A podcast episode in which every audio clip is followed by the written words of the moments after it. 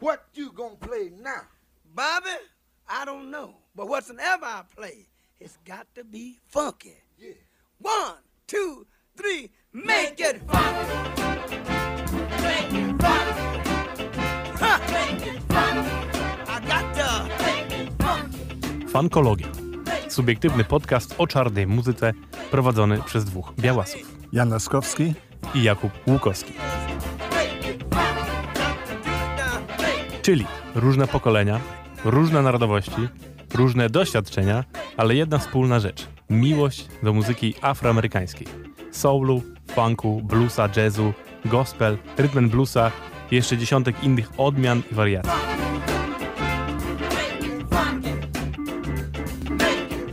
Witamy Was w kolejnym odcinku Funkologii. Dzisiaj temat m, dla mnie najciekawszy, bo będziemy gadać w końcu o funku. Witam. Będziemy gadać o funku, bo trochę pomyśleliśmy, no, że po, po kolei wam ułożymy wszystko, więc zaczęliśmy właśnie od tych lat 50. i nawet 40. Rhythm and blues, rock and roll. Potem przyszliśmy trochę soul, e, gospel i staramy się mniej więcej iść po kolei, więc doszliśmy do lat 60., 70., gdzie ro, rodzi się właśnie funk. Jako nowy ro, rodzaj muzyki, ale też nie tylko muzyki, trochę wręcz idea, jaką w ogóle funk stworzył wśród społeczności afroamerykańskiej jest szersza zdecydowanie. To jest cała kultura, bo wręcz subkultura, sposób bycia, sposób życia, można wręcz powiedzieć, który wpłynął mocno na to, jak zmieniło się całe życie i kultura właśnie afroamerykańska, zwłaszcza w latach 70., kiedy to już, e, że tak powiem, stało się konkretne, bo lata 60. No to, są, to są lata, kiedy to się dopiero kreuje, kiedy powstaje te nowe idee, rodzą się w głowach artystów i zwykłych ludzi też. Więc będziemy o tym dzisiaj gadać. No. I robimy to głównie za sprawą książki, którą już wam mówiliśmy w poprzednim odcinku o niej, która naprawdę, jeżeli chodzi o funk, to jest encyklopedią, którą po prostu każdy, kto interesuje się tym tematem, powinien przeczytać, a zwłaszcza mieć ją na półce. To jest książka profesora Rikeya Vincenta. Profesor. Profesor. On jest profesorem na, w San Francisco na ich uniwersytecie, pochodzi w ogóle z Bay Area. Mhm. Ma też tam swój program, audycję swoją już od wielu, wielu lat. Ona leci w naszym czasie w soboty chyba o 7 rano się zaczyna i trwa 3 godziny. Możecie sobie posłuchać. To jest radio, tu jest na, napisane e, KPFA. To jest radio internetowe z, z Berkeley właśnie i tam spokojnie możecie sobie słuchać tej audycji i on ma nawet są podcasty. A fajna ta audycja? Sorry, bo ja nie Y, słyszałem. Wiesz co, tak, tak, no mnóstwo mówi właśnie, tak jak w tej książce, dużo mówi o, o historii, gra bardzo różny funk, Mhm. tak jak w tej książce też jest kompletny rozstrzał od tych wczesnych lat 60. aż do hip-hopu, bo on bardzo jest też y, zakręcony w kwestiach hip-hopowo-funkowych, właśnie w takich połączeniu funku z hip-hopem. Brawo, profesor. No i plus wykłada właśnie w San Francisco, z tego co wiem, to y, po prostu historię afroamerykańską ogólnie, jakby kulturę. Ta książka nazywa się po prostu Funk, a podtytuł to jest The Music, The People and the Rhythm of the One. No niestety po polsku jej nie znajdziecie, ale jest do kupienia oczywiście na Amazonie, na wszystkich tych y, internetowych. Jest też w wersji y, e-booka, mam też ją w, tej wersji i polecam. No. Widzę, dla ciebie to taka Biblia, e, bo ja ją mam na swojej półce, nawet e, mam e, studio ze sobą, ale no dla mnie to taka, no dodatkowo, bo mam książki o bluesie, o Mhm. soulu o, i, i to bardzo ładnie idzie do półki, ale widzę, że dla ciebie to ma taką e, większe znaczenie. Nie, Takie- dla mnie to jest książka, która jakby wszystko mi wyjaśniła. Jak zacząłem się interesować i tak trochę szukałem, trochę szukałem i ta książka nagle wpadła mi w ręce, to po prostu no jakby moja świadomość, moja w ogóle całe pojęcie się zmieniło po prostu o 180 stopni. Jest tutaj to tak pięknie wyłożone, znaczy czuję się tą akademickość tego człowieka, ale jednocześnie on to pisze z takim po prostu funkowym zacięciem. Więc to jest dla mnie super, że jest mnóstwo właśnie zwrotów takich charakterystycznych dla, dla takiej muzy, dla, dla tego stylu bycia, które są w, w, wplecone w ten po prostu akademicki dyskurs. No, coś wspaniałego, naprawdę. No jakby czuję się funk w tej książce. No jeszcze tutaj zresztą prowadzenie napisał George Clinton, więc to też dodatkowe. No. No. Atuty. Także naprawdę, jeżeli jakkolwiek was interesuje ta muzyka, no to to jest w ogóle numer jeden, od którego powinniście zacząć. Bo to już no, pierwsze zdania po prostu są wspaniałe. No.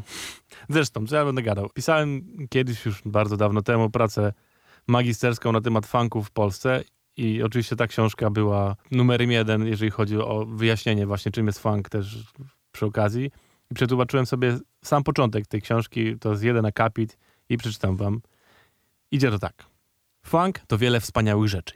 Funk to brutalny rytm i słodkie seksowne uczucie. Funk to naturalny ekstrakt wewnętrznej esencji. Funk jest wielki, ale bywa jednocześnie na samym dnie, blisko ziemi podstawowego elementu. Funk jest na wszystkich ekstremach. Funk jest prymitywny, ale może być też wyrafinowany. Funk jest sposobem na wyjście i sposobem na wejście. Funk jest wszędzie. Funk jest sposobem na prawdziwą ekspresję, która nie może być zatrzymana. I tak się zaczyna ta książka. Super. A powiedz mi, bo o muzyce soul, to trochę mówiliśmy o tym słowie, e, jak rozumiemy to słowo, Mhm. ale funk, jak ty rozumiesz, bo funk po angielsku znaczy, może być zapach i niekoniecznie zapach, to wiesz, taki e, prawdziwy zapach, taki tak. E, może potu z e, takiego pracującego pana, taki silny aromat, powiedzmy. I funk to też jest, e, he's got himself in a, a bit of a funk. E, to starsze zrozumienie, że e, taki trochę kłopotliwe e, e, wyraz. I z- obydwa tych słów jakoś e, się połączyło. Nie wiem, kiedy w muzyce pierw to pojawiło się i czy to ma duże e, takie afroamerykańskie po prostu e, złączenie tych pojęć. Tak, tak. Znaczy w ogóle tutaj jest też cały rozdział poświęcony e, e, entymologii tego słowa. Właśnie funk, skąd to się wzięło i co to oznacza, bo z tym też jest problem nawet do dzisiaj, to właśnie nawet od strony stricte naukowej jest mnóstwo, się kłócą na ten temat, bo faktycznie słowo to pojawiło się już do, dużo wcześniej niż ta muzyka. Ono się pojawiało już w jazzowych kawałkach w latach 50. Są właśnie kawałki, które się nazywają Hunk of Funk, na przykład grane przez y, Jazz Crusaders albo coś, więc to słowo jest od dawna i jest kojarzone właśnie głównie z kulturą afroamerykańską i głównie z muzyką i oznacza w kontekście tym szeroko pojętą oryginalność i taką prawdziwość w, w ekspresji po prostu, czyli że jak ktoś jest funky, to znaczy, że jest prawdziwy i to jest takie no właśnie z duszy wychodzące i gra po prostu to prawdę, ale jednocześnie ta prawdziwość polega na tym, na tym brudzie, o którym wspomniałeś, czyli na takim rawness, można Mhm. powiedzieć, e, czyli takiej prawdziwości, która no nie jest właśnie udawana, wyrafinowana, wyćwiczona, tylko jest taka no, bardzo cielesna, bym tak Mhm. powiedział. I jak on tu szuka właśnie słowa, skąd się wzięło, to jest kilka teorii. Jedna to jest właśnie słowo związane ze smrodem i one się po, pochodzi z języka francuskiego najprawdopodobniej, bo już w czasach tam, kiedy pływały statki z niewolnikami, jest jakiś, znaleźli y, pamiętnik jakiegoś marynarza, który opowiada właśnie o tym, że strasznie śmierdzi na statku i używa właśnie słowa funk. Tego jakiejś tam trochę wcześniejszej wersji. I prawdopodobnie były to statki z niewolnikami, więc tym bardziej się to wiąże jeszcze z czarnymi ludźmi, których przewozili. Ale drugą opcją jest szukanie słowa z pochodzenia afrykańskiego, bo i ma to w sumie największy sens, że Mhm. kiedy tych niewolników przywozili, zwłaszcza z okolic Konga, bo faktycznie znaczna część niewolników pochodziła z tych okolic, to w tym języku jest słowo, które on tutaj pokazuje, funimi, coś takiego. Mhm. To jest słowo, które właśnie no nie ma konkretnego tłumaczenia, ale oznacza właśnie taki zapach, wyjątkowy zapach kogoś, kto śmierdzi, ale w takim pozytywnym sensie znaczenia, że na przykład e, opowiada taką historię, że jeżeli się siadało koło, koło starszego człowieka, to jeżeli się przejęło jego zapach, to tak jakby się było błogosławionym przez tą starszą osobę. I, I ten zapach był właśnie taki prawdziwy, brzydki. I on też zwraca właśnie ciekawą rzecz, że faktycznie dlatego to słowo i ta muzyka jest tak, tak prawdziwie afroamerykańska i, i czarna, można powiedzieć, że właśnie w świecie, w którym, w naszym białym świecie, bycie niepachnącym jest zaletą. U nas Mhm. powinno być czysto, Tak. e, najlepiej świeżutki zapach, a właśnie tam Mhm. na, ten, ten funk jest jeszcze ważniejszy. To on jest tą prawdziwą czymś, do którego się dąży. I to jest strasznie ciekawe. Ci, Właśnie. co pracują i ci, co tam e, perfumowani, wiesz, tam siedzą. Tak, tak, tak, to wszystko, wszystko ma sens. E, Mhm.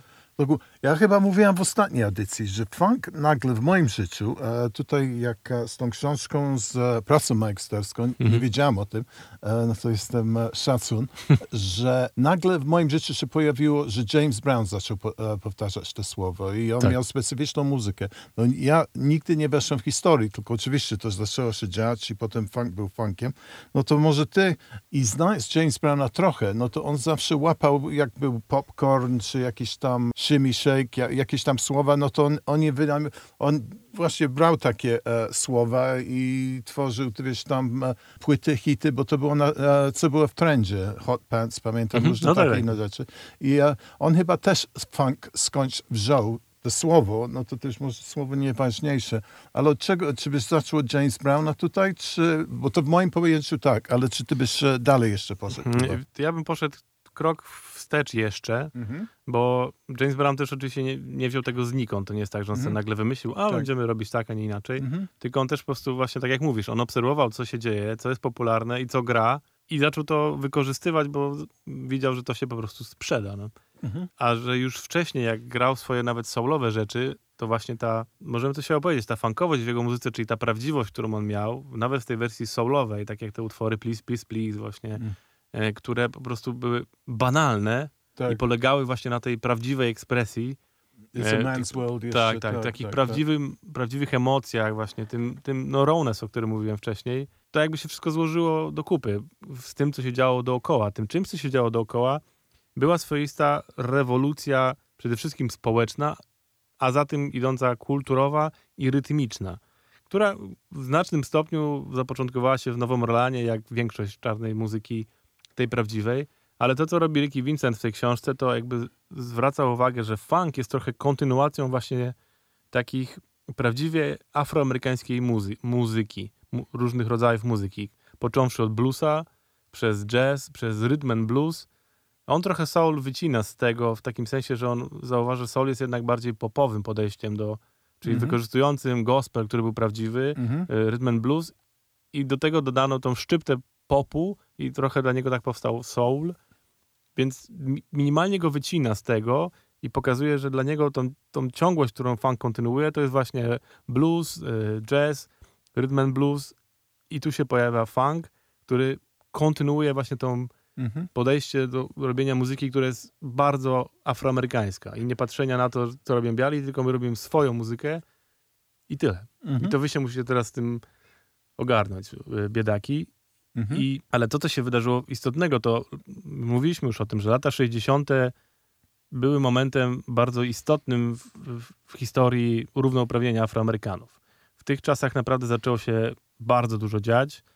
To, to już zaczęło się w latach 50. oczywiście, ale lata 60. były tym momentem, kiedy to po prostu eksplodowało i ten ruch nabrał prędkości, nabrał siły, rozpędu i wszystkie takie najważniejsze wydarzenia właśnie wydarzyły się w latach 60. To wtedy Martin Luther King był na, na szczycie popularności, wtedy pojawił się Malcolm X, to jest w tej Mhm. kontekście funku dosyć ważną e, Mhm. postacią. No E, właśnie, e, to co mówisz, że mimo tych praw różnych e, przeciw segregacji, co tam, Mhm. e, zapomniałem, 62, 3, W 63 trzecim, podpisali taką e, ustawę. te e, prawa przyszły, to losy Afroamerykanów za bardzo się nie zmieniali, bo tam Mhm. e, na przykład na południu po prostu nie można było podejście białych ludzi zmienić po, po prostu e, Tak z dnia na dzień, tak, bo podpisali papierek. No. legislac- le, legislacją. Mhm. No to e, właśnie Afroamerykanie, jakby Martin Luther King, co, po, co chciał po prostu, e, jego wizja była czarno-biali razem, że Tak. I have a dream, że bia, e, białe, białe dziecko bawi się z no, afroamerykańskim dzieckiem. Malcolm X był osobno, że my musimy własne, e, własne losy sobie... e, Dokładnie tak. Malcolm X właśnie był pierwszym, który głośno powiedział to, co większość tak naprawdę, zwłaszcza młodych Afroamerykanów, czuło, że nie chcemy nic z białymi mieć do czynienia tak naprawdę. Oni są po to, żeby dać im kopa w dupę, za przeproszeniem. No, że już za dużo, za dużo sobie pozwalają, za, za wiele lat robili nam źle, więc pora najwyższa trochę no, nie być miłym, przestać się uśmiechać i być właśnie uśmiechniętym murzynkiem, który się kłania zawsze białemu i schodzi mu z drogi. Tylko nie, my mamy swoje życie, swoją kulturę i mamy swój sposób życia, swój język i pokażemy, że możemy to zrobić. I to są właśnie lata, kiedy po... To też jest ciekawe, jak się czyta dużo o Ma- Martinie Luther, Lutherze Kingu, że on też jakby był moment, w którym on dopiero zauważył, że trochę, trochę mu się pomyliło.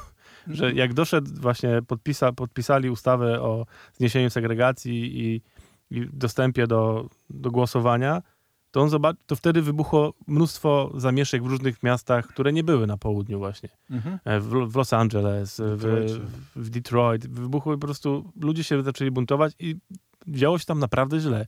I wtedy Martin Luther King miał takie, ale o co chodzi? Przecież zrobiliśmy tyle dobrego, czemu oni się denerwują? I zaczął tam jeździć i zobaczył, że to, co on robi, czyli próbuje znieść segregację rasową na południu, dla ludzi mieszkających w dużych miastach, to jest nic. Oni nie mają problemu z segregacją. Oni mają problem taki, że mieszkają w getcie. Mhm. Więc oni nie, spotykają białych ludzi, którzy, mhm. którym muszą udostępniać miejsca, bo ich tam nie ma. Oni są zamknięci w małej przestrzeni, gdzie mhm. mają gorsze prace, gorsze domy, gorszą opiekę zdrowotną i wszystko jest źle, ale to nie jest kwestia tego, że no, mhm. Przeszkadza im to, że nie mogą wejść do tego samego sklepu co biały. No. No. Jakby zupełnie inny rodzaj problemu.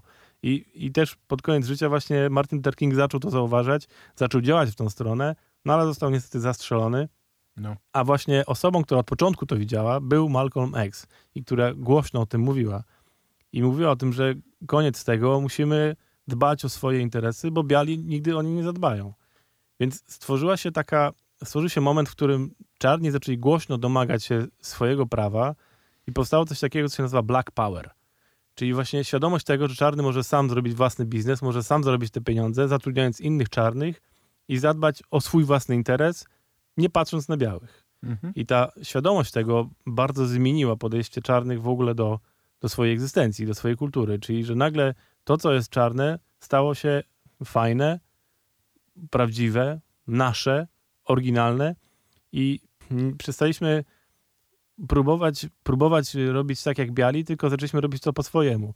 To są to momenty, tak. w których wróciła, czarni wrócili trochę myślami do Afryki, szukali swoich korzeni, więc y, zaczęli inkorporować kulturę afrykańską na swoje oczywiście współczesne amerykańskie sposoby, sposób ubrania, sposób fryzury. Y, szukali po prostu jakichś swoich własnych oryginalnych korzeni. I no, rzeczywiście dekada e, no, wielkich rozruchów, zmian, ale podkład e, definitywnie e, był muzyczny. Mhm.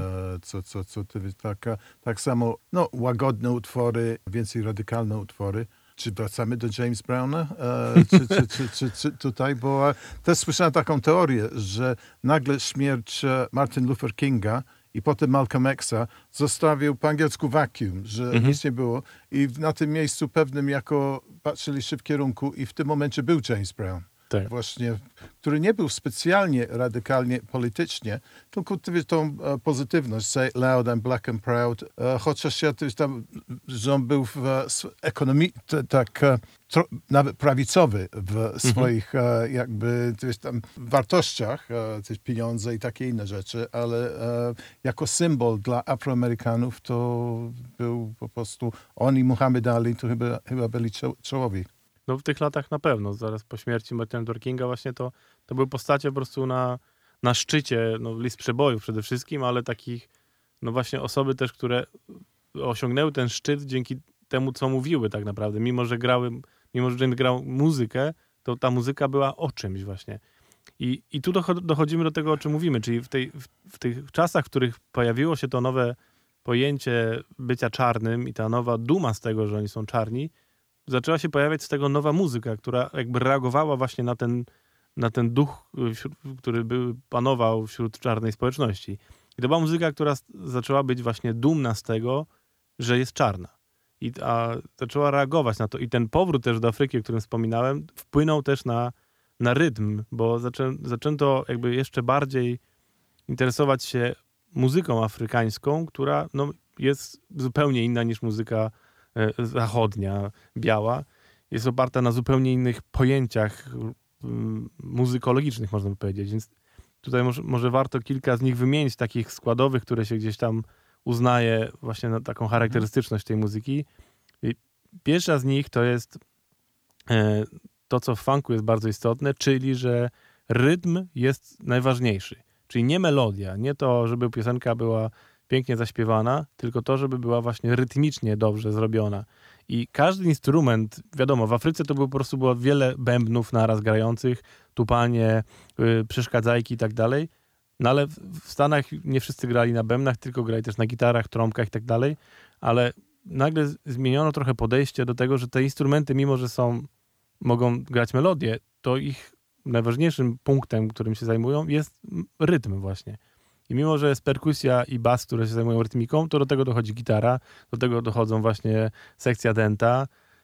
i nawet jak wokal się pojawia, zwłaszcza to u Jamesa Browna, słychać, ten wokal też jest rytmicznie rozłożony. On nie, to nie są piękne melodyjki właśnie, tylko to są bardziej Powtórzone. powtór, taki, powtórzone, trochę skatowane rzeczy, dzisiaj można powiedzieć nawet rapowane w jakimś sensie, które tak samo, ten rytm jest najważniejszy. E, I to jest właśnie stricte afrykańskie podejście do tworzenia muzyki. Drugą rzeczą jest kolektywność tego wszystkiego.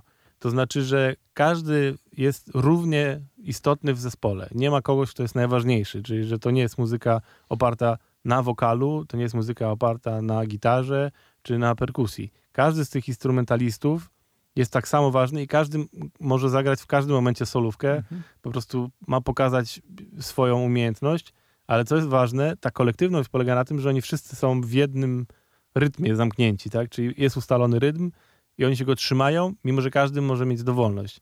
I tu się trochę łączy z tym, co mm, z Nowym Orleanem, znowu, o którym wspominałem, bo pomyślcie sobie, bo to jest trzecia rzecz, która jest związana właśnie z taką muzyką, to jest to, że każdy w każdym momencie jest istotny. Czyli i tutaj łatwo sobie to wyobrazić w kontekście marszu, takiego, jakie są słynne e, właśnie w Nowym Orlanie, że idzie zespół, najczęściej to jest związane z pogrzebem, przechodzi zespół i, i działa to w ten sposób, że kiedy stoicie w jednym miejscu i ten zespół przechodzi, to mimo, że jest wspólny rytm, którym wszyscy grają, to wy co chwila słyszycie inny instrument, bo on jest przez chwilę kowas, przechodzi dalej.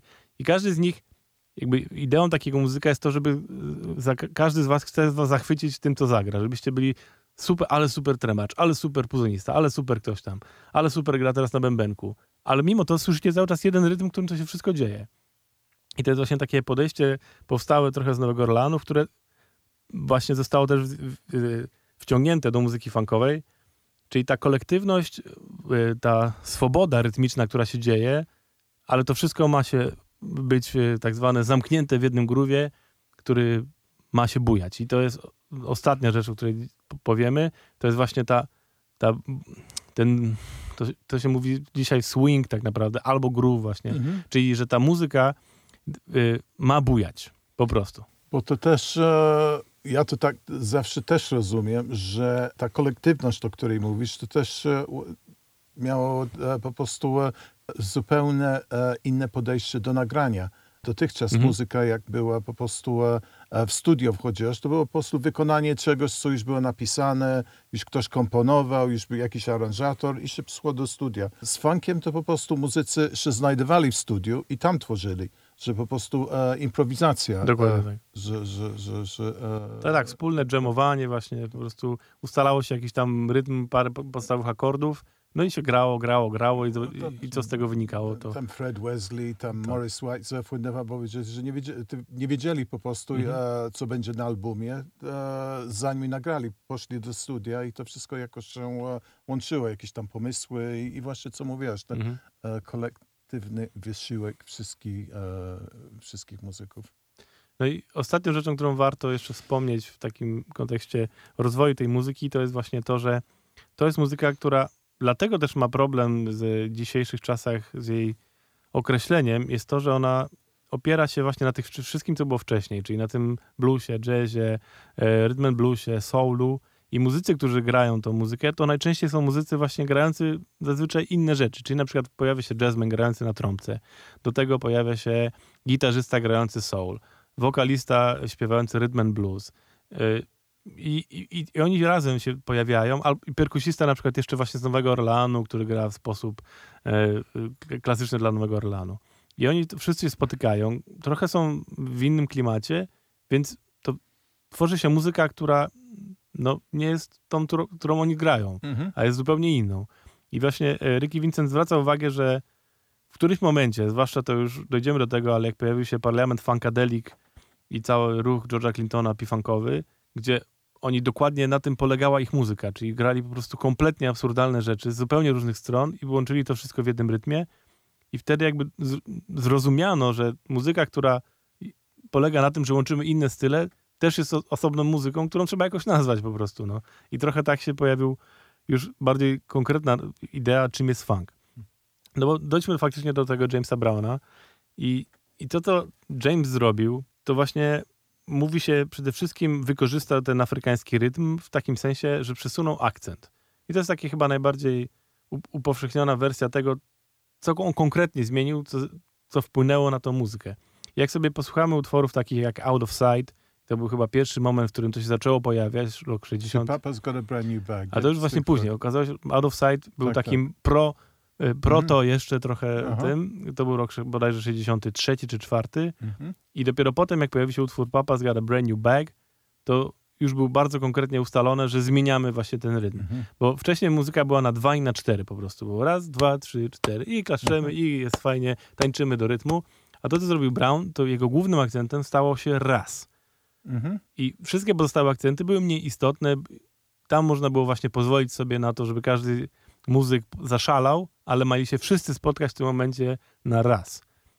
I to jest bardzo afrykańskie, bo to jest taki rytm właśnie, który jest do dołu, do ziemi, dobry do tupania, więc mnóstwo tańców afrykańskich, które opierają się właśnie na e, mocnym tupaniu w ziemię. To, to jest to, co on w, w, usłyszał w tym, co się działo dookoła i wykorzystał w swojej muzyce. I faktycznie jak pojawiło się Papa's Got a Brand New Bag, to, to jest wiele historii muzyków z tamtych lat, którzy po prostu zatrzymało ich to Mhm. i zrobili tak wow. Mhm. Ale, ale że jak to?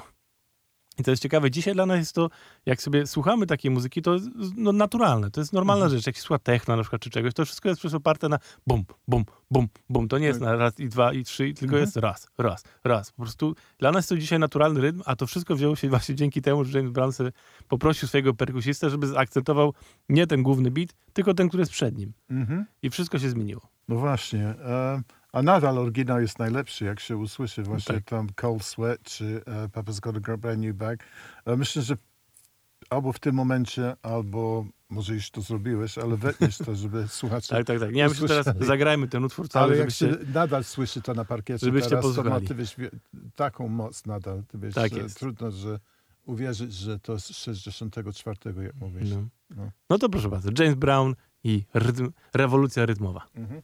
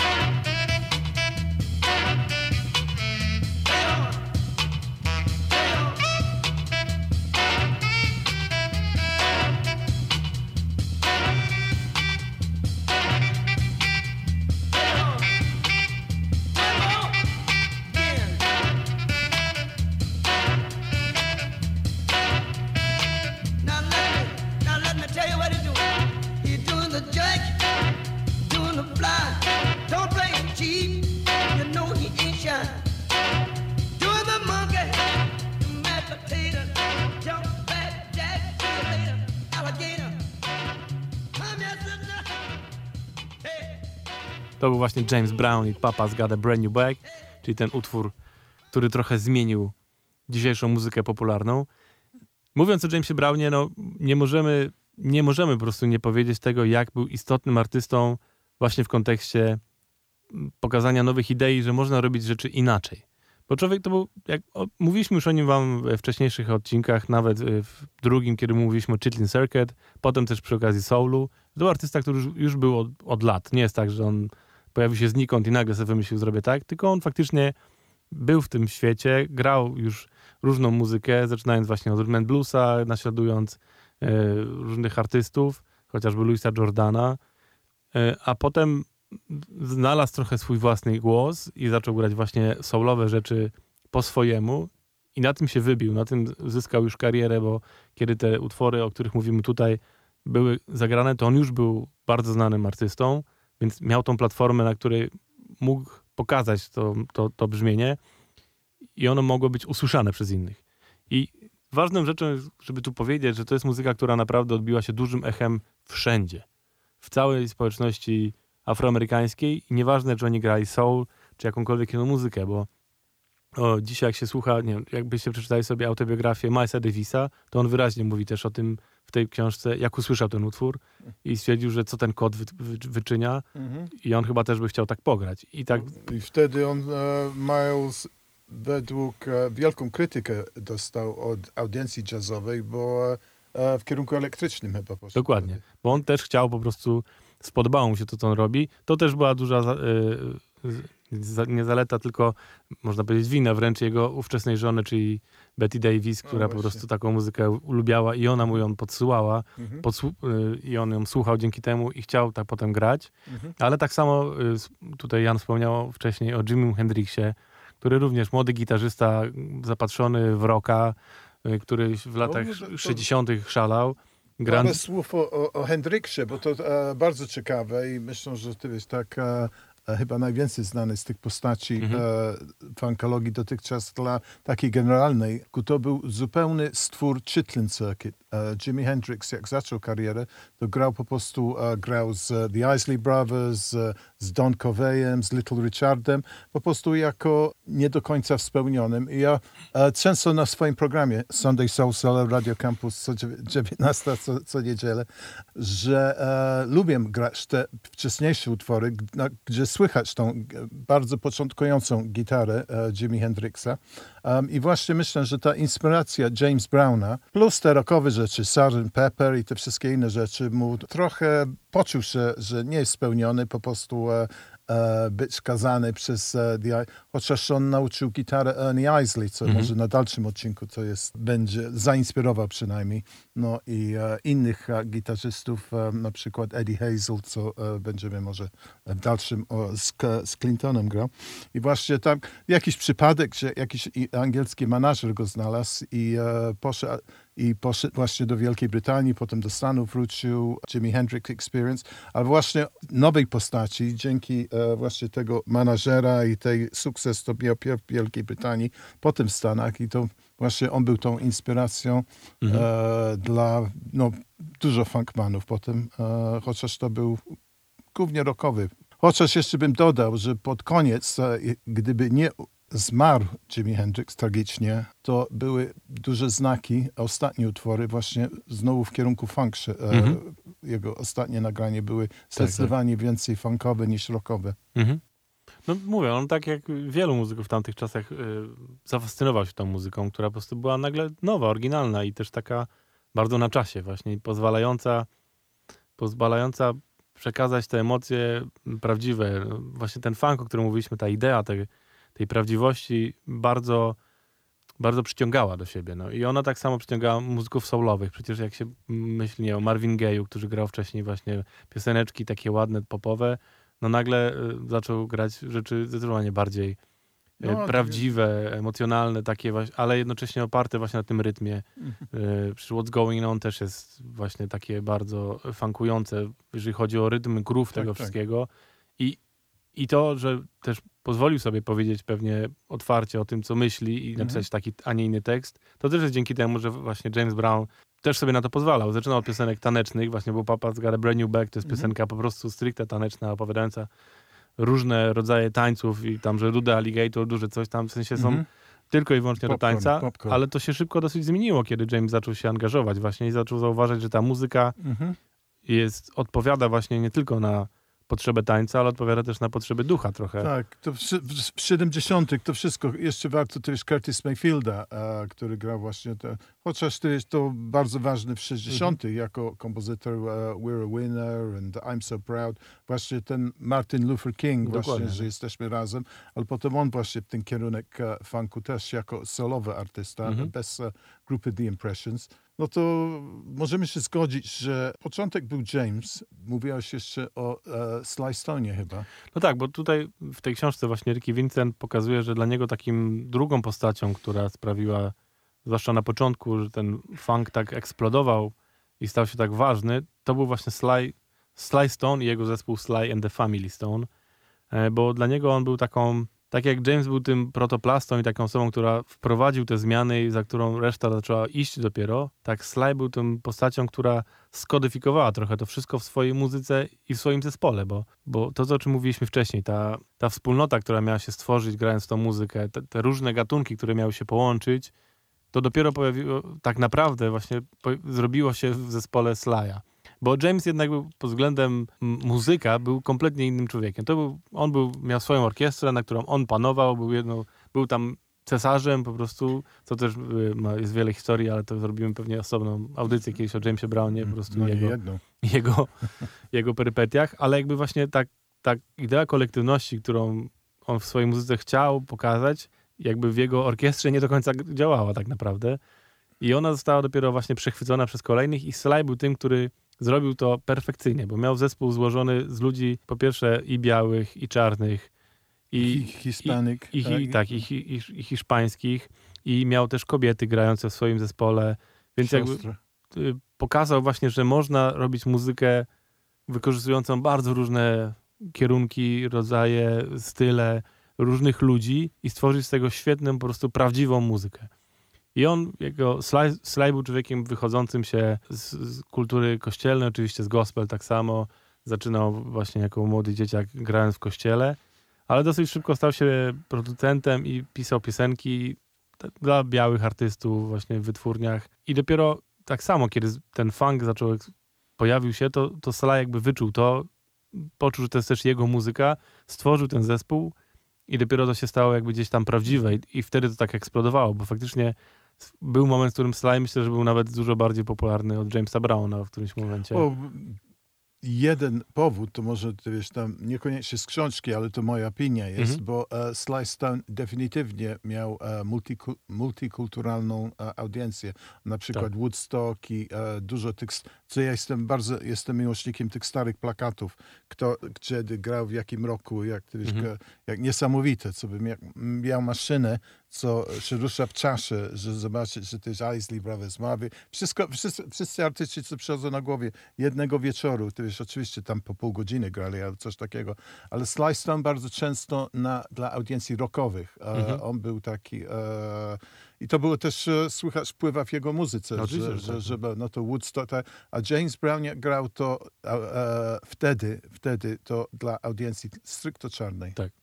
Tak, tak, ty wiesz, James Brown live at the Apollo. Apollo w Harlemie to po prostu 99% bym sobie wyobrażam byli, byli Afroamerykanie, schodzili na James Browna.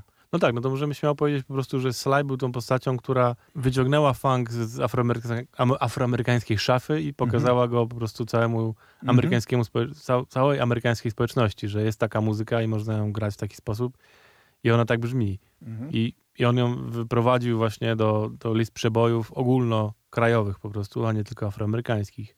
No to, to czekamy tygiel, bo mamy, ty wiesz, lata 60. Jest Sly Stone, jest James Brown, jest Mhm. Jimi Hendrix i to jest ta iskierka, nie? I Dokładnie. potem się zaczyna dziać. I nie? potem lata 70. to jest po prostu wybuch. No bo jak się, naprawdę, jak odpowiedziecie sobie dowolną, dowolną playlistę z lat 70., to usłyszycie, że ta muzyka jest po prostu wszędzie. No, czy to No. jest rock, czy to jest jazz, czy to jest... No, w każdym rodzaju muzyki ten, ten rytm funkowy jest po prostu... Jest. I koniec, kropka. Wtedy on, wszyscy chcieli tak grać. Nieważne jaki rodzaj muzyki, to to przenikało wtedy, bo, było to po prostu numerem jeden. Na wszystkich listach przebojów zespoły, które grały funk, były po prostu na pierwszych miejscach. No była to muzyka stricte stricte no, w latach 70. już po prostu popowa też, y, najzwyczajniej w świecie mówiąc, bo wtedy tak wszyscy grali. Te wczesniejsze albumy Funkadelic, e, George Mhm. Clinton, to kupowałem i po prostu e, bardzo, e, jeden z powodów, co bardzo mi fascynowało, poza muzyką oczywiście, były odkładki, sleeve art i to artysta Pedro Bell i tam oni oprócz tego, że dziwne jakieś tam, pod jakiś wpływów różnych trunków fajne rysunki były, ale też takie małe hasła.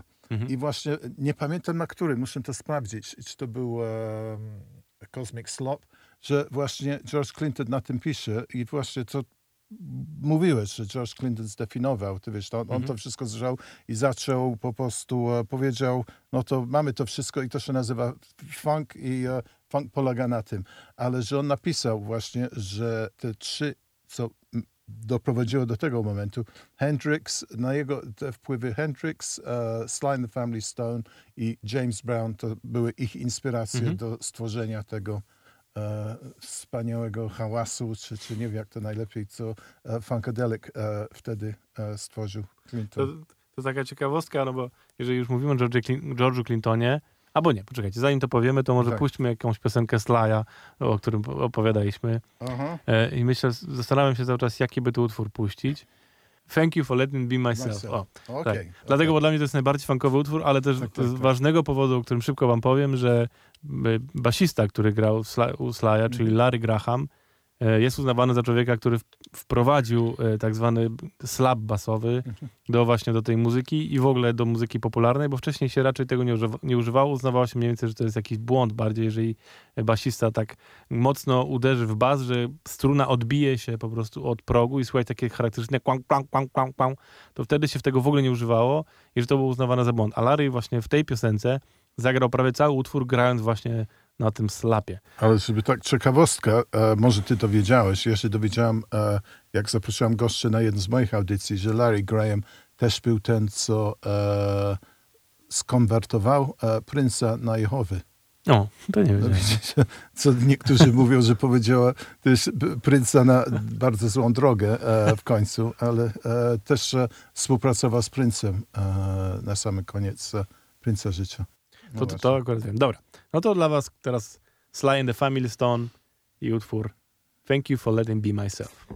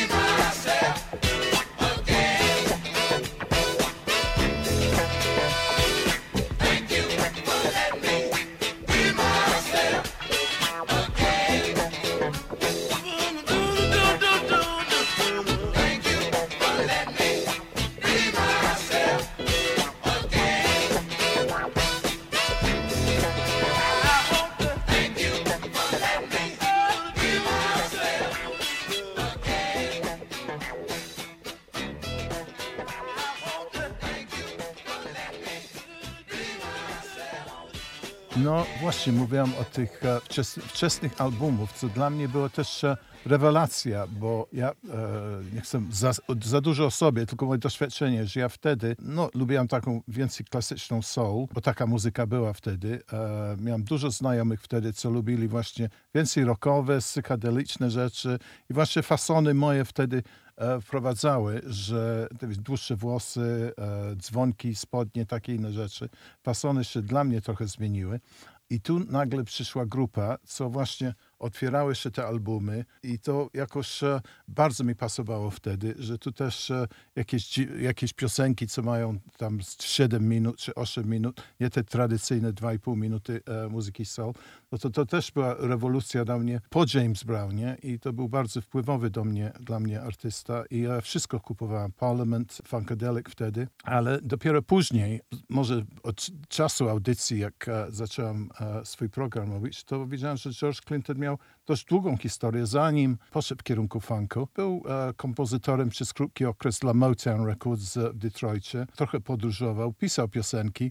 Głównie się połączył z mniejszą wytwórnią detroitską e, Golden World Westbound i tam parę singli wydał. I on był w takim momencie karierze, że po prostu taka nie do końca spełniona, nazywali się The Parliaments, grupa, co po prostu jedna z wielu niespecjalnie, chociaż te pierwsze single bardzo mi się podobają, ale nic specjalnie nie, wyróż, e, nie wyróżniało. Nie byli na dużych wytwórniach, no to nie mieli takie budżety promocyjne. E, Teraz się dobre pieniądze płaci za te single, ale wtedy e, po prostu e, był jeden z wielu. I coś się stało e, z George Clintonem i mi się wydaje, że poza tych wpływów, e, które mówiliśmy, że e, nagle na jakiejś trasie koncertowej czy coś takiego, może w jego biografii to było, że jakieś tam zaczęli, e, jakieś tam trunki, czy to acid był, czy to wiesz, tam chyba tak, trochę no, wszystkiego. To jest może krótka, w, w, krótkie wtrącenie, że to niestety były lata, w których zaczął pojawi, zaczęła pojawiać się kokaina, e, heroina i wszystkie No, LSD, LSD, tak, wszystkie całe cięższe 60, narkotyki, tak, tak, które tak. wtedy faktycznie zaczęły być popularne w złym tego słowa znaczeniu. No i I nie- George odleciał. tak, nie, nie da się. E, kreatywnie e, muszę się zgodzić i właśnie to e, zaczęło na wytwórni e, Det- z Detroitu e, Westbound Records plus Polem był na Invictus, to e, w Detroitie to się wszystko zaczęło na dwóch takich mniejszych wytwórniach i te albumy i co były po prostu e, szalone w kontekście e, Raczej się słuchało w kontekście, że to taka hipiowska muzyka, raczej niż e, tradycyjnie afroamerykańska, chociaż e, te połączenia rytmiczne Tak, tak, tak, były. No to jest myślę ta taka ciekawa rzecz, która się wydarzyła, czyli że właśnie z kulturalnego i doświadczeniowego y, tego, co robił George Clinton, które było stricte afroamerykańskie, weszło w to takie właśnie kontrkulturowo y, rockowe, psychodeliczne, rockowe brzmienia i się zrobił taki dziwny miszmasz, który trochę nikt nie wiedział, co z tym zrobić. I zresztą jak się słucha tych, zwłaszcza nie dwóch pierwszych płyt Funkadelic, to ciężko nawet określić, jaki to jest gatunek muzyki. No, No, no. Myślę, że bliżej mu do rocka nawet niż jakiejkolwiek innej jeszcze wtedy.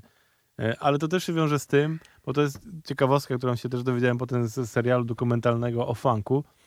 E, Jest taki bardzo fajny, rysunkowy serial, e, który znajdziecie bodajże na HBO i nazywa się Historie z, z, z autobusu, no to No, się The nazywa Stories tak, from tak, the Turba, Turbus. E, I to jest rysunkowy serial właśnie, którym każdy odcinek opowiada o innej postaci związanej z funkiem. To jest drugi sezon, bo pierwszy jest chyba o muzyce country. E, I tam właśnie była opowieść o Bootsy Collinsie, czyli basiście, który był związany i z Jamesem Brownem i potem właśnie z Parliament Funkadelic.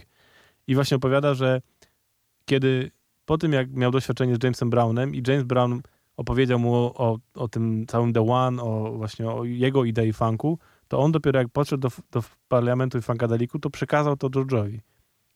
I że George opowiadał o tym, że po prostu taki moment, który zrobił w nim takie właśnie i to ma wszystko sens nagle, że po prostu on zrozumiał, o co Tak. chodziło i że to, Bo to The jest One taki bałagan, te pierwsze albumy Funkadelic, a potem nagle to... to wiesz, zaczęło mieć sens, tak. W, Tak, w tym tak. szaleństwie pojawiła się Tak, metoda tak, tak. po prostu, no. I że to prawdopodobnie jest ten moment, kiedy po prostu Bootsy Collins opowiedział mu tą historię Mhm. i George nagle po prostu zrozumiał, że to, co on robi, to jest funk i tego szukał i to odnalazł to w sobie. No i też I tam ściągnął trochę muzyków Tak. od Browna, nie? dokładnie, potem kolej przez lata się przewijała cała praktycznie sekcja denta GBs, każdy gdzieś tam w którymś momencie współpracował. Maceo Tak. Parker, tak, tak. Więc on jakby był zafascynowany właśnie tym, co stworzył James Brown i zrobił to zupełnie po swojemu. I to wszystko było właśnie jeszcze e, napędzane po prostu tymi narkotykami, Mhm. więc było szalone i faktycznie jak się ogląda nagrania koncertów ich z tamtych lat, to to jest kosmos po prostu. Mhm. Jeszcze z tym, lą- oni w którymś momencie wymyślili sobie trasę, w której UFO lądowało na scenie. No widziałem, byłem na E, tym. Byłeś na tym? Na, Na na, Wielkiej Brytanii, tak, tak, tak. Jak... Trochę to długie wszystko było i trochę tak, No, e, to ale super. Widziałem Booksy Collins też, jak, Mm. jak, jak, jak, jak, jak. Boże, tak, za- tak, tak, zazdroszczę. tak, tak. No właśnie. No ja nie miałem niestety. Znaczy George'a widziałem jak był w, w Polsce Tak.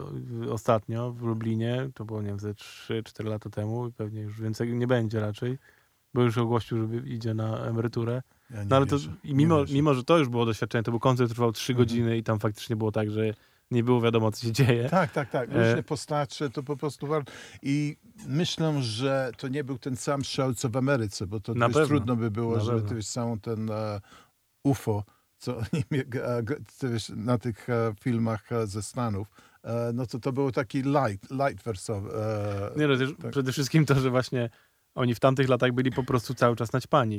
I Tak. to, to bardzo wpływało na to, jak te show Mhm. wyglądają. To właśnie też w tym filmie dokumentalnym Bootsy Collins mówi, że on nie pamięta połowy lat 70. Po prostu był tak, cały czas, tak. był na ciągłym haju takim, że po prostu no, No jego mózg to wypalił. No. I wracając do Hendrixa, bo jest ten e, słynny e, utwór Parliament, e, nie, Funkadelic akurat, e, Maggot Brain, Mhm. co e, ten gitarzysta, co już wymieniliśmy raz, Eddie Hazel, co był bardzo Han- Hendrixem. I to jest uważane jako guitar classic. E, ci, co lubią rockową gitarę, są wymienione, najlepsza solo, to zawsze się jakoś Maggot Brain znajduje e, z, z, z e, Funkadelic tam że on po prostu, George coś powiedział e, Ed, Ediemu, że jego, nie wiem, czy, co strasznego, że to jest tam... tak, wyobraź sobie, że twoja matka zmarła. tak, tak, tak, tak, tak. I e, to zainspirowało właśnie te solo, bo byli Mhm. wszyscy naćpani i e, tak, tak, taka tak. muzyka z tego wszystko. Znaczy, no, no jest, to, jest to fascynujące. No. Mhm. Z jednej strony no, straszne, że to wszystko są te narkotyki, a z drugiej strony no, faktycznie ta muzyka by tak nie, Okej, nie no wiesz, taka tam by nie no. było i by, e, jak ktoś, ty wiesz, tam skomentuje, że ty wiesz, a ci Afroamerykanie, narkotyki, ja też nie wierzę, że Beatlesi by napisali Sgt. Pepper, czy e, Rolling Stones, czy ty wiesz, to Her Majesty, jak zapomniałem, Satanic Majesty's Request, plus wszystkie rockowe, classic rock albumów 60. tak, tak. to były pod wpływem narkotyków. Dokładnie, no to, to były też takie czasy, no wtedy to była też, tak jak mówię, to był moment, w którym to się pojawiło pierwszy raz, więc to były narkotyki jeszcze nie, Mhm. to był moment, w którym one jeszcze nie były tak bardzo zabronione, jak później, to dopiero lata 80. był moment, kiedy rząd Stanów Zjednoczonych postanowił coś z tym zrobić i Tak, wa- te LSD to po prostu się kupowało. po Wtedy to było po prostu dostępne. No. Tak, tak, Nie wiadomo, że było nielegalne, ale zupełnie, to tak jak dzisiaj się mówi, że jest nielegalne zioło, no. tak. A mimo to jakoś wszyscy mają do niego dostęp. No właśnie. Więc wtedy to, to tak wyglądało. Tak. Więc nie da się ukryć, że muzyka lat 70. po prostu jest e, wspomagana taką, takimi narkotykami. No i cały nurt właśnie muzyki psychodelicznej, rocka psychodelicznego lat 60., 70., to jest też wszystko to. A właśnie kiedy ten funk zaczął się pojawiać i w, oni zaczęli to wykorzystywać, no to, to powstała po prostu piękna muzyka, którą dzisiaj kochamy. No. No, def, def, definitywnie. No to co byś wybrał e, teraz e, Clintona? No Jezu, to jest strasznie duży wybór. Za duży nawet. No. E, no. A czy wiecie, bo ja oso- osobiście zdecydowanie bardziej wolę Parliament i te rzeczy bardziej popowe, które właśnie tworzyli, bo one były już takie bardzo taneczne i mniej szalone niż To Funkadelic. znasz, z czego co pamiętam z Ricky Vincenta, to co na niego zrobiło wrażenie jest uh, Up for the Downstroke uh, Mhm. Parliament. Uh, Tak. Co jest właśnie, ty wiesz, taki um, wcześniejszy parlament, ale taki e, zdecydowanie funkowy, nie? Mhm. Tak, W tak. No, w ogóle Brown. Parliament ogólnie jest zdecydowanie Tak, bardziej tak. funkowy niż funkadelikowe, które były Mhm. eksperymentalne mocno po prostu. Mhm. No to słuchajcie, to zagramy wam właśnie dobry funkowy Parlament. Tether roof off, we gonna tether roof off the mother sucker. Tether roof off the sucker. Tether roof off, we gonna tether roof off the mother sucker. Tether roof off the sucker. Tether roof off,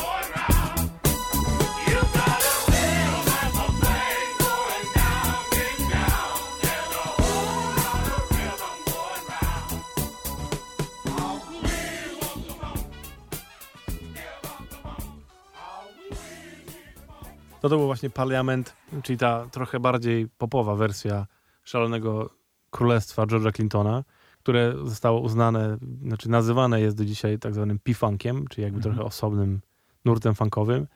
No w sumie zasłużenie, bo jest to jednak zupełnie inna muzyka niż takie zespoły, które możecie kojarzyć e, chociażby jak Earth, Wind and Fire, czy e, Cool and the Gang, albo Casey and the Sunshine Band, czy jeszcze tysiąc innych, chociaż nie, a nawet jakby Stevie Wonder czy The Temptations, które też wszyscy grali funk w którymś momencie. Trochę mi w tej książce Ricky Vincent trochę brakuje, bo Mhm. jedna rzecz, że e, skupię się na albumach bardzo, bo to jest też tak jakby, nie powiem, że najłatwiej, ale tak, tak e, ładnie się to wszystko można też podzielić tych artystów albumów, ale to e, poza tymi dużymi grupami, to po prostu się działo w każdym małym mieście. Potem tak. w latach 90. E, i tutaj tu jest tam DJ-e lokalni w Warszawie też to potwierdzą. Strasznie dużo, to wiesz, tam e, na 45. E, Po Mhm. prostu ma, Dyke and the Blazes, to oni byli, wiesz, właśnie taka Chitlin Circuit grupa, co po prostu zaczęła sami nagrywać się funkowo, aż tragicznie zmarł, w 71. Ale że po prostu dużo takich małych grup, co po prostu grali jako muzyce, może też dla tych e, śpiewaków e, w No, tych klubach. tak. E, I strasznie dużo funkowych utworów z 70. e, nie wyszło na albumach, tylko na. No tak, no, to też mówiliśmy w kontekście soulu, no, że tego po prostu jest. Tak. E, to była muzyka, którą wtedy się grało i każdy chciał ją grać, więc takich zespołów było od groma i tego się dzisiaj wykopuje. Jest mnóstwo kompilacji, naprawdę, Tak. jak, jakbyście weszli w osobny świat pod tytułem kompilacji muzyki funkowej, Mhm. to są faktycznie kompilacje, które pokazują Z no właśnie miast, z konkretnych Stanów, miast i tego tak, jest tak, od tak. groma. Jest świetne wydawnictwo, które nazywa się Athens of the North, Mhm. które cały czas wznawia i wyszukuje takich artystów i oni praktycznie no, co miesiąc wydają dwa, trzy single z zespołami, których możecie, muzykami, których nie macie prawa nawet znać, bo to na miejscu ich pewnie nie znają. No. Tak. Tutaj, co, co jest fajne, na, na samym początku tej książki jest mapa właśnie Stanów, gdzie on mniej więcej stara się po, pokazać, gdzie kto grał. I faktycznie, no, co ciekawe, samych środkowych jest niedużo, ale ogólnie no, jest tego sporo. Że właśnie San Francisco to jest Sly and the Family Stone, Tower of Power oczywiście wielkie. Tam też był Santana, który wykorzystywał te momenty, łącząc to z muzyką latynoską. Sheila E. chociażby. Jak się pójdzie na drugą stronę, no to w New Jersey byli właśnie Geo- George Clinton, Parliament, Cool and the Gang, Ashley Brothers. Mhm. Z Nowego Jorku są Cool and the Gang, y, Mandrill, BT Express oczywiście, Brass Construction, Cameo chociażby. Mandrill się potem do Los Angeles przyprowadził. To jest Tak. jeden z moich ulubionych. E, No w Los Angeles oczywiście War, który też łączy właśnie muzykę funkową z muzyką latynoską. mhm. E, Charles Wright i jego What's 103rd Street Band. Earth, Wind and Fire stamtąd jest właśnie... Ale ciekawa pozycja dla mnie, bo to jest mi- duże miasto to duże miasta, ale Dayton. E, e, Dayton jest w ogóle- Ohio. To jest w ogóle miasto absurdalnie dziwne i tam w ogóle dzisiaj jest Muzeum Funku. Bo No, okazało się, powiedzmy. że zwłaszcza w latach 70. pojawiło się tam od groma, od groma świetnych funkowych zespołów i to takich, które każdy był po prostu numerem jeden w którymś momencie na Mhm. listach przybojów. Właśnie w jakimś małym miasteczku po prostu w Ohio, no, które się nazywa oh, Daytona. No. Mhm. I to jest fascynujące. To były zespoły takie jak Slave, jak Ohio Players, Lakeside, Heatwave, Mhm. e, Roger i Zap, no naprawdę. Mnóstwo, No to mnóstwo Też Bootsy Collins chyba e, z tamtych... Bardzo możliwe, tak. tak, Tylko, tak. że on był chyba nie z Daytona, tylko właśnie z którychś z tych mniejszych miejscowości. ale no ogólnie ten, ten rewir, tak. Tak, tak. Więc to, to, to fascynujące, że w, tym Mhm. w jednym dziwnym miejscu się tak, tak wydarzyło. No. Mhm. No musimy ciągnąć e, do przodu, nie? Bo Tak. tak. trochę przed programem mówiliśmy, że to wszystko, to wszystko e, ten funk, e, jeszcze lata 70., że jeszcze trochę ta pierwsza połowa trochę się różniła od drugiej połowy, bo przyszło disco, Mhm. muzyka klubowa, funk, nawet George Clinton musieli się jakoś zaadaptować do tej nowej audiencji, to One Nation Under a Groove, chyba największy hit Funkadelic był w końcu, było zdecydowany to wiesz, hit No tak, a w ogóle numerem jeden dyskoteka. chyba dla nich to był Flashlight tak naprawdę. tak, tak, e, to, pa- to Parliamentu. Tak, tak, I to tak, był właśnie utwór samo. taki trochę disco, z takim właśnie podejściem disco, tylko zrobionym po ich, po ich niemu, no. Tak, tak, Earth, Wind and Fire, oczywiście te wspaniałe, ty wiesz, tam e, Let's Groove, te, wszys- te wszystkie e, Celebrate, Cool and the Gang, te wszystkie hity, potem e, plus ta Philadelphia, co, co, co, co, Mhm. co może jest temat na, na inna audycja. E, no to można powiedzieć, że lata 70. się zmieniły na dyskotekowe. E, ten funk się zrobił może trochę więcej komercyjny. I potem nagle, co dość dużo sporo mówili, 50-lecie hip-hopa, Mhm. no to hip-hop się kiedy e, już zaczynał. No tak, wchodzimy w lata 80. i zaczyna się właśnie, zwłaszcza w Nowym Jorku, tworzyć zupełnie nowy rodzaj muzyki, ale który właśnie wyrasta na, na funku. Wyrasta z, z, tego, z tego pojęcia, że to są młode dzieciaki, których rodzice słuchają funku i, i mają to w domu te nagrania, a te młode dzieciaki jarają się tą muzyką, ale tylko częścią jej, można by powiedzieć. I zaczynają do tego wszystkiego rapować. Zrobimy na pewno osobny program o hip-hopie i jak on się łączy właśnie z tym wszystkim, ale zaprosimy sobie wtedy jakiegoś eksperta, który się na tym lepiej zna niż my No. e, i opowie na pewno dużo szerzej. Z Ale- kampusa na pewno. Pewnie tak, ale ch- idea jest dokładnie taka, że młode dzieciaki w latach 80., kiedy rodzice słuchali właśnie nagrań z lat 70., tworzą nową muzykę, która jest ich muzyką, ale właśnie przez to, że słuchali tego funku, to ta idea, która, o której mówiliśmy na samym początku, czyli ten funk, który jest dumny z tego, że jest czarny, przenosi się na tą nową muzykę i jak sobie myślicie o hip-hopie, no to zdecydowanie to jest muzyka młodych ludzi, którzy są trochę zdenerwowani tym wszystkim, że żyją w takim beznadziejnym świecie, ale z drugiej strony są właśnie dumni i, i, i mówią o tym głośno po prostu, czyli to jest say loud, I'm black and I'm proud. Czyli jakby ten duch funkowy, który od początku istnieje w tej muzyce, przenosi się na nowe pokolenie, tworzy nowy rodzaj muzyki, ale właśnie zostaje pod spodem ta, ta idea. I, i, I tego się nie da ukryć i faktycznie Ricky Vincent jakby doprowadza całą tą książkę do tego i pokazuje te pierwsze, pierwsze hip-hopowe zespoły, które wykorzystują to y, w 100%. No to są właśnie De La Soul, Digi- Digital Underground, e, to jest Ice Cube, to jest Dr. Dre. To są wszystko zespoły, no, które się wychowały na tej muzyce, potem samplują motywy z tych konkretnych kawałków, wykorzystują to na swojej muzyce i rapują do tego dokładnie i jakby oddają hołd też tym Mhm. oryginalnym artystom. No to jest chociażby przykład Afryki Bambata, który w którymś momencie nagrał utwór z Jamesem Brownem No. i Unity, który właśnie Mhm.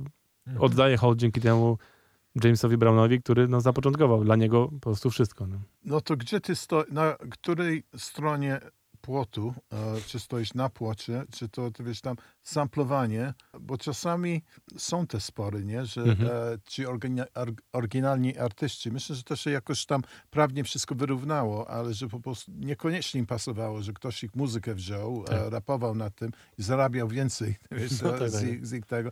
Dopie- e, niekoniecznie, ty wiesz, tam z ich pozwoleniem, e, potem to się zrobiło jakoś tam. No tak, e, to, to, no. się, to się zmieniło faktycznie dzisiaj, to już jest jak prawnie uregulowane, a na początku no to była samowolka, no to były właśnie, tak jak mówimy, dzieciaki po prostu z, z bloków mając dwie płyty Good, gramofonowe, Good times, tak, tak, tak. e, tak. brały z- kawałek, po prostu wycinały i na tym rapowały, więc, więc tak, tak było, ale to też jest ciekawe, jak się słucha dzisiaj wywiadów z takimi artystami mniejszego pokroju, no bo jak mówimy o Jamesie Brownie, no to on faktycznie się tam irytował, że biorą jego utwór i on traci na tym pieniądze, Mhm. no bo on jakby Tak, z tak, tego to żył był- cały czas, był popularny i w ogóle on był bardzo protective do Tak, swojej tak, tak, tak. własności. Ale jest, czytałem, słyszałem wiele wywiadów właśnie z artystami z tamtych lat, którzy po prostu w latach 70. coś tam nagrali, trochę im się potem posypało, Tak. mieli normalną i nagle pojawia się hip-hop, wykorzystują ich sample i po prostu nagle ludzie wracają do ich utworów Tak. i oni zarabiają dzięki temu pieniądze To i oni się cieszą. No. Tak, to, bo tak. to- I też w komentarzach e, czasami muszą walczyć o te pieniądze, No tak, ale tak, no. e, tak, że dostają tam e, e, znam pewne przypadki. Ale całkiem fajnie, jak ja e, teraz, e, jak jakiś research robię do programu, tylko tak, albo sam się bawię w e, komputerze i na YouTubie i coś tam odpalam, jakiś stary numer i potem niekoniecznie wiem o tym, ale potem Mhm. czytam komentarze i że młodzi ludzie, to jest jakiś starszy utwór z 60., 70., że na przykład e, Digital Underground Brought Me Here, czy Tak. coś takiego, że oni e, sami próbują znaleźć ten Mhm. oryginalny utwór, co, co, co był samplowany. To bardzo pozytywne w moim mniemaniu. no tak, no i to faktycznie pozwala, że ta muzyka cały czas żyje. No i to jest, to jest dla mnie super, że Tak. znaczy ten hip-hop, który wykorzystuje te sample i one tam są po prostu, to robi, robi dla mnie to, że ta muzyka jest cały czas żywa. No i rozmawiamy o czymś, co młodzi ludzie, którzy może nie słuchali funku i soulu, to de facto jak im się puści jakieś utwory, to oni kojarzą na przykład, o, to, to, to, tak, to, jest o, fragment z tego. Moja sama córka, co e, no, e, jest fanem, nie wiem czy dalej, bo to też tam e, trochę kontrowersyjny by się zrobił, ale Kanye Westa. Mhm. E, I właśnie ja czasami, ty wiesz, takie zagadki jej dałem i zawsze, każdego razu. Ja, ty wiesz, tam sam coś wyczytuję, że Kanye West na wcześniejszym albumie coś tam zasamplowałem i puszczam jej oryginalną piosenkę. I ona od razu wymienia, No. że, że, że, że e, jaka to piosenka Kanye było i potem tam... Dokładnie, ale to, to jest to, o czym też mówi Ricky i o czym my mówiliśmy, no, że właśnie to jest muzyka, która powstała, powstała na funku po prostu. Mhm. I, i ten funk tam cały, cały czas jest, to jest dla mnie fajne. Nawet w tych zupełnie nowych odsłonach hip-hopu, które nie do końca mnie jarają, Mhm. to, to, to podejście, ten, ten duch tego, te- tej funkowej jedności i pewności siebie i takiej właśnie swobody cały czas jest i to jest dla mnie super. No, Mhm. No myślę, że trzeba by kończyć może, powoli. ale może jakby e, wybierzmy taki, e, może trudno powiedzieć, czy ulubiony, ale jakiś e, faworyt e, i może parę słów powiedzmy. Czy masz e, coś takiego, e, bo ja mam, Mhm. co, co, co mogę i może To zacznij. ja zacznę i ty coś, ty coś pomyśl, że, że powiem.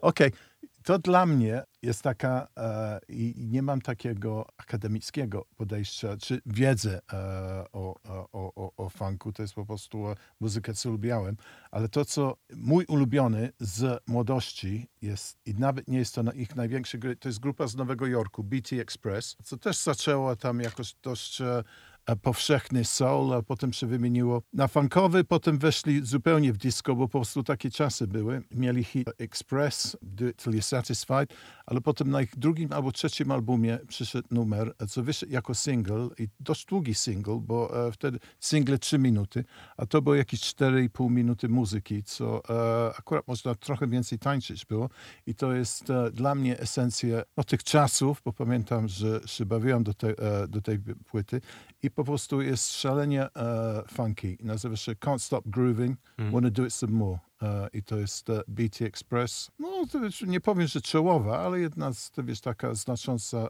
funkowa grupa z 70 lat. To ja tylko powiem, że dla mnie osobiście funk przez to, że jest tak szeroki, to nie jestem w stanie wymienić faworyta, bo jest naprawdę, bardzo mi się to zmienia. Z, No. z tygodnia na tydzień mam nową rzecz, która mnie jara, ale osobiście najbardziej lubię w ogóle takie połączenie właśnie jazzowo-funkowe, bym powiedział. Ale nie takie, powiedzmy, co robił Miles Davis, który no, grał jednak zdecydowanie jazz z elementami, tylko właśnie bardziej takie podejście, że gramy w funkowy groove i w to wszystko jest splecona taka jazzowa, muzyczna swoboda, bym powiedział tak. Czyli są fajne, długie solówki e, różnych innych muzyków w trakcie. To jest muzyka, która miara, więc oczywiście Herbie Hancock, te jego lata funkowe, no to jest dla mnie po prostu Roy Ayers, to są jego wspaniałe rzeczy, które on robi w tamtych to- to latach. trochę że- Reuben Wilson na przykład, no. Tak, trochę czuję, że pominęliśmy to, bo to No, rzeczywiście to jest temat nie jesteśmy w stanie zmieścić tak. tutaj wszystkiego, bo to jest tak szeroki Donald temat. Byrd na przykład. To, e, oczywiście, tak. Wszystkie rzeczy. No, tak, jest tak. tego naprawdę od groma po prostu. Bo tak jak mówię, wtedy wszyscy grali po prostu tą Mhm. muzykę i ona no, jest w każdą stronę. Jak pójdziemy trochę bardziej soulowo, to znajdziemy świetnych artystów. Jak pójdziemy trochę bardziej jazzowo, to znajdziemy zupełnie innych. Jest tego pyte po prostu, Mhm. więc nie da się w godzinę tego zrobić, ale będziemy w miarę kolejnych odcinków podrzucać wam różne na pewno rzeczy. No i też słuchajcie po prostu naszych audycji, E, Ja na Sunday Soul Cellar w każdą niedzielę, mojego What's Funk w każdy piątek w Radio Campus i tam tego jest zdecydowanie więcej takiej muzyki. Więc powiem tak, no jakbyście chcieli ode mnie czegoś fajnego, to, to sprawdźcie sobie na Spotify playlistę po prostu Jazz Funk. Jest, jest na pewno taka playlista, nie jedna i takiej muzyki wam życzę. A my kończymy w takim razie dzisiejszy odcinek Beat Express i mam nadzieję, że coś wam trochę się zrobiło jaśnie na temat tej muzyki, aczkolwiek myślę, że dopiero y, poruszyliśmy po prostu odrobinkę ten temat, bo można by o tym gadać jeszcze- długo. No. No i funkologia, e, no jeszcze nie mamy do pracy nowego, następnego tematu, ale już niedługo będzie następny odcinek i e, dziękuję wszystkim, co słuchają. Dzięki wielkie, do usłyszenia.